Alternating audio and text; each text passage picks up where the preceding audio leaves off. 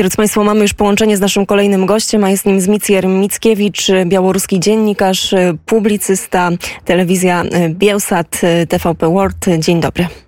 Dzień dobry. Będziemy rozmawiać e, o Białorusi. Ja najpierw zacytuję e, słowa zastępcy szefa Sztabu Generalnego Sił Zbrojnych Białorusi. Terytorium Polski wraz z infrastrukturą wojskową stanie się priorytetowym celem dla wojsk białoruskich w przypadku ewentualnych zachodnich prowokacji, a także późniejszego konfliktu. My oczywiście staramy się nie brać tych słów na poważnie, ale jakbyśmy mogli opowiedzieć trochę o narracji, chciałam powiedzieć kremlowskich mediów, ale o narracji łukaszenkowskich mediów, tych e, białoruskich. Co się pisze o wojnie wojnie na Ukrainie, a także o Polsce w kontekście pomocy i zaangażowania Polski e, właśnie e, wobec strony ukraińskiej.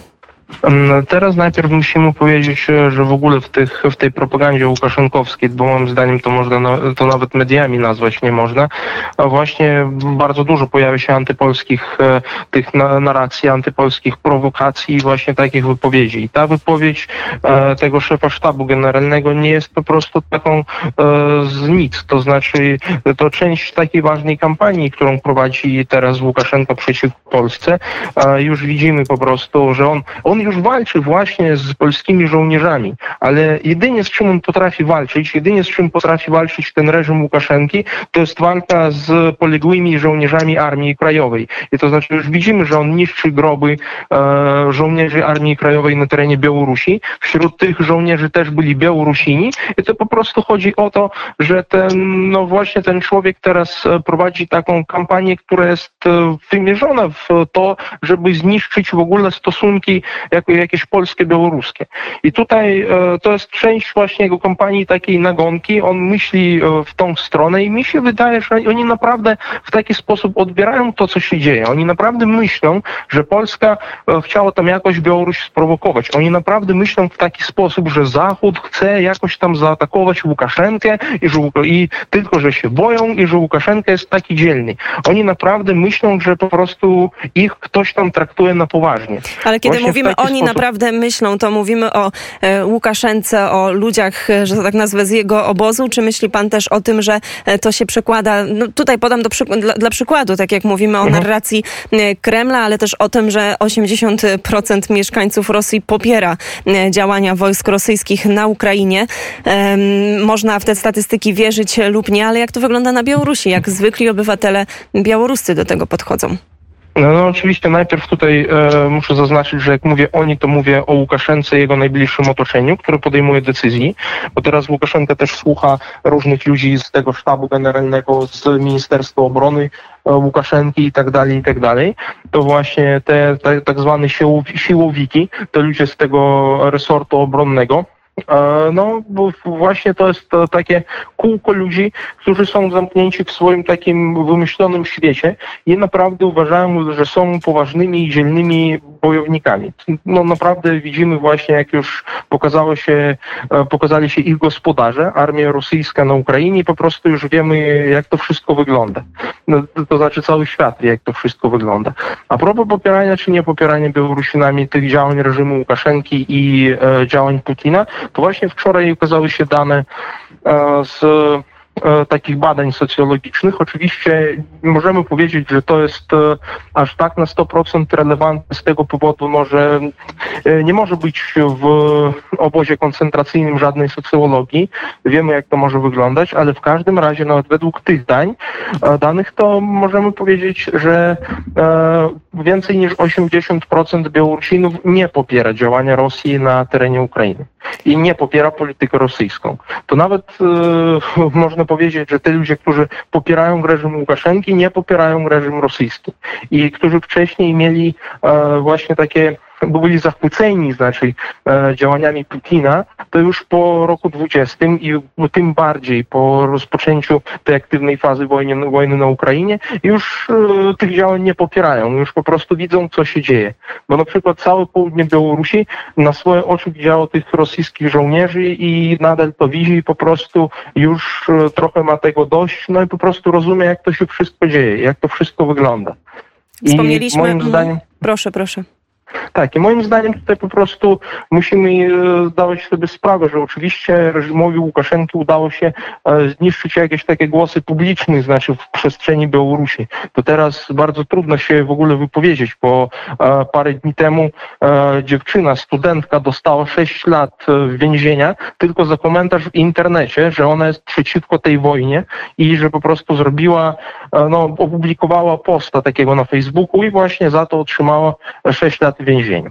I to właśnie pokazuje, na ile oni się boją reakcji publicznej. Oczywiście jej nie ma, ale nie publicznie. Wiemy po prostu, że nie udało się w jakiś sposób zdobyć sympatii Białorusinów i w ogóle jakoś pokazać, że oni nadal potrafią kontrolować sytuację nawet na terenie Białorusi. Wspomniał Pan na samym początku wypowiedzi o niszczeniu ważnych, symbolicznych miejsc dla Polski, o e, niszczeniu cmentarzy polskich żołnierzy. To niestety już kilka takich przypadków, które, które można odnotować w ostatnim czasie. A jak wygląda e, sytuacja z podejściem w ogóle też do Polaków, którzy mieszkają na Białorusi? Czy dochodzą do Pana takie głosy, takie informacje, żeby oni też e, byli mm, dotykani jakimś prześladowaniem? E, no oczywiście my wiemy, że już kilka Polaków siedzi w więzieniach, no również z Białorusinami, którzy nie popierali reżimu Łukaszenki. Oczywiście wiemy też o zamknięciu polskich szkół na Białorusi i no też widzimy tą kampanię antypolską. I e, wiemy, że w ogóle polska mniejszość na Białorusi nigdy nie była taka aktywna popierająca Łukaszenkę.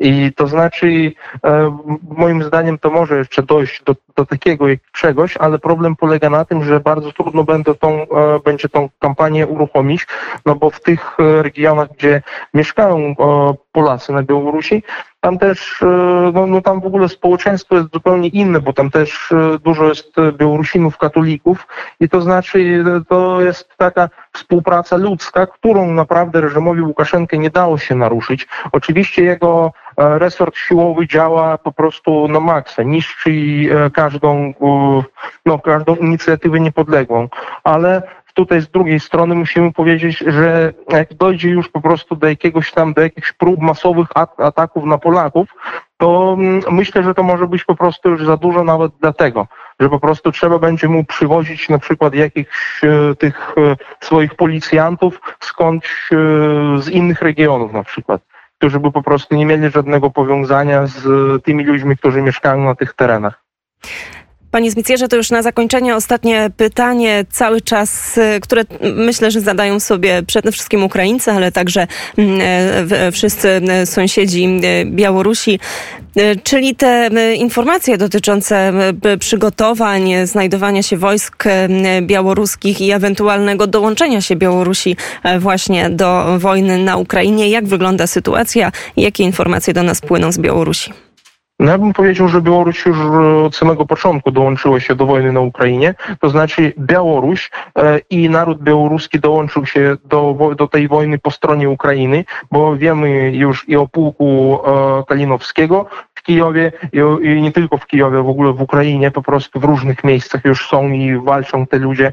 I wiem, może być, no Państwo pewnie już mówiło, że e, parę dni temu e, my dostaliśmy wiadomości, że zaginęło paru, e, parę białoruskich e, ochotników i jeszcze parę trafiło te też do rosyjskich okupantów, to znaczy trafili e, jako więźni.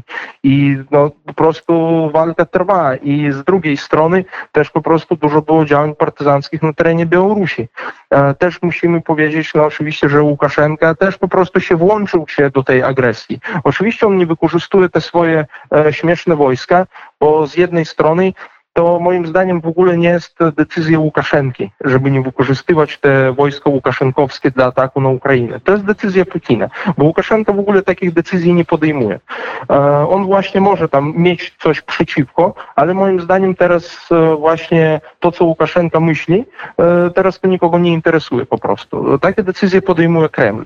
I moim zdaniem Kreml lepiej rozumie sytuację na Białorusi niż Łukaszenka. I właśnie z tego powodu Kreml nie daje takiej, takiego rozkazu, żeby wykorzystywać te łukaszenkowskie wojska, e, bo po prostu to może zrobić e, wielką destabilizację na Białorusi, to może skutkować tym, że zaczną się nowe protesty. Oczywiście będzie zmniejszony e, taki, będzie zmniejszone ciśnienie na ludzi. Po prostu ten system bezpieczeństwa Łukaszenki może się zawalić. W takiej sytuacji. I, I to Kreml jest- to rozumie i właśnie dlatego Kreml nie daje nie, takiego rozkazu Łukaszenkowi, żeby włączyć się e, do tej agresji, do tej wojny na Ukrainie, bo po prostu to może destabilizować e, sytuację na Białorusi i Kreml po prostu nie chce mieć tam pro, problemów.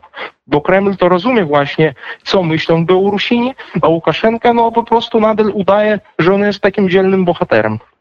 Bardzo e, ciekawe e, spojrzenie, nieco, m, nieco inne. Tutaj musimy postawić kropkę, ale my oczywiście jeszcze będziemy wracali do tematów białoruskich e, na antenie Radia Wnet i tutaj też jak zawsze odsyłam do słuchania Radia Wnet wcześnie rano, a także późno wieczorami białoruskie noce, a także świt wolności. A panu bardzo serdecznie dziękuję za rozmowę. Pan Zmicjer Mickiewicz, dziennikarz, publicysta, telewizja Bielsat TVP World był gościem Radia Wnet. Jeszcze raz dziękuję. Bardzo dziękuję i pozdrawiam.